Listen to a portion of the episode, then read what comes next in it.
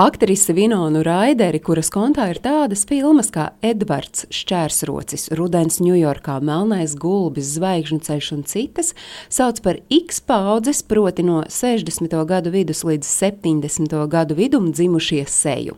Tās paudzes, kuras pamatjautājums ir nevis ko darīt, bet gan kā darīt.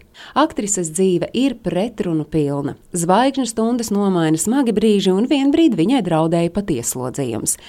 Sākās viss ar to, ka amerikāņu aktrisi aizturēja un nopratināja Beverly Hills policija.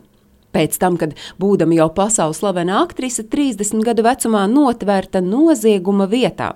Tas bija 2001. gada decembris, kad veikalā Saks apsardze viņu pieķēra cenšamies iznest no veikala apģērba gabalus un rotas lietas par aptuveni 5000 dolāru, tostarp kašmira džemperi no Marka Jacobs, vairākus slavenu zīmolu zeķu pārus un dažādus maturotājumus.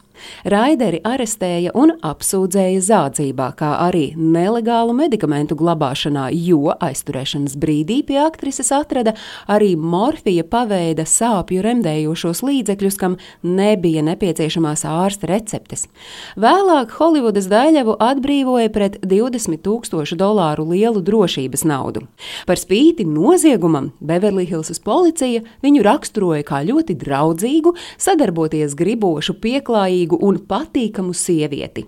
Tomēr pēcāk šai pieklājīgajai un patīkamajai sievietei nācās stāties tiesas priekšā. Tiesas sēdi gan aktrise nokavējusi par veselu stundu, tādējādi saniknojot augstākās tiesas tiesnesi, kurš Raiders advokātam sacīs: Es vēlos, lai jūsu kliente būtu šeit, tāpēc piezvaniet viņai. Beidzot, Raidera ieradusies, tērpusies krēmkrāsas kleitā. Viņa izskatījusies bāla un nervoza, nosēdusies līdzās savam advokātam un nav atbildējusi daudzajiem žurnālistiem un interesantiem pie tiesas zāles.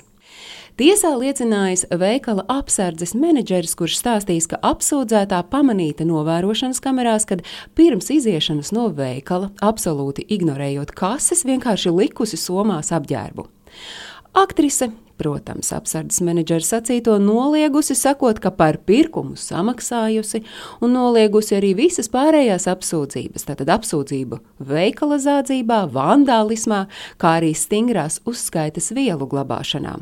Starpbrīdī atstājot tiesas namu, Raideris labo elkoni savainojusi televīzijas kamera, bet tiesu izpildītājam, kurš pavadījis aktrisi, kamera trāpījusi pa galvu.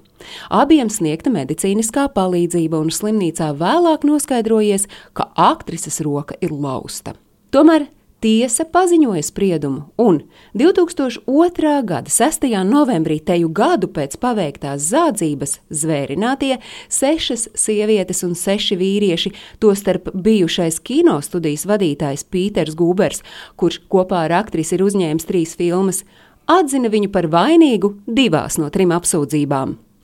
Viņa netika atzīta par vainīgu komerciālā zādzībā, jo nav varēts pierādīt, ka viņa tiešām iegājusi veikalā ar nodomu nozagt.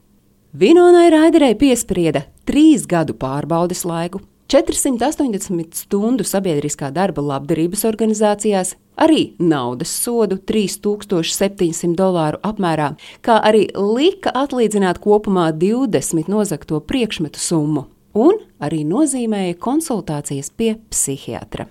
Stāstīja Agnese Drunka.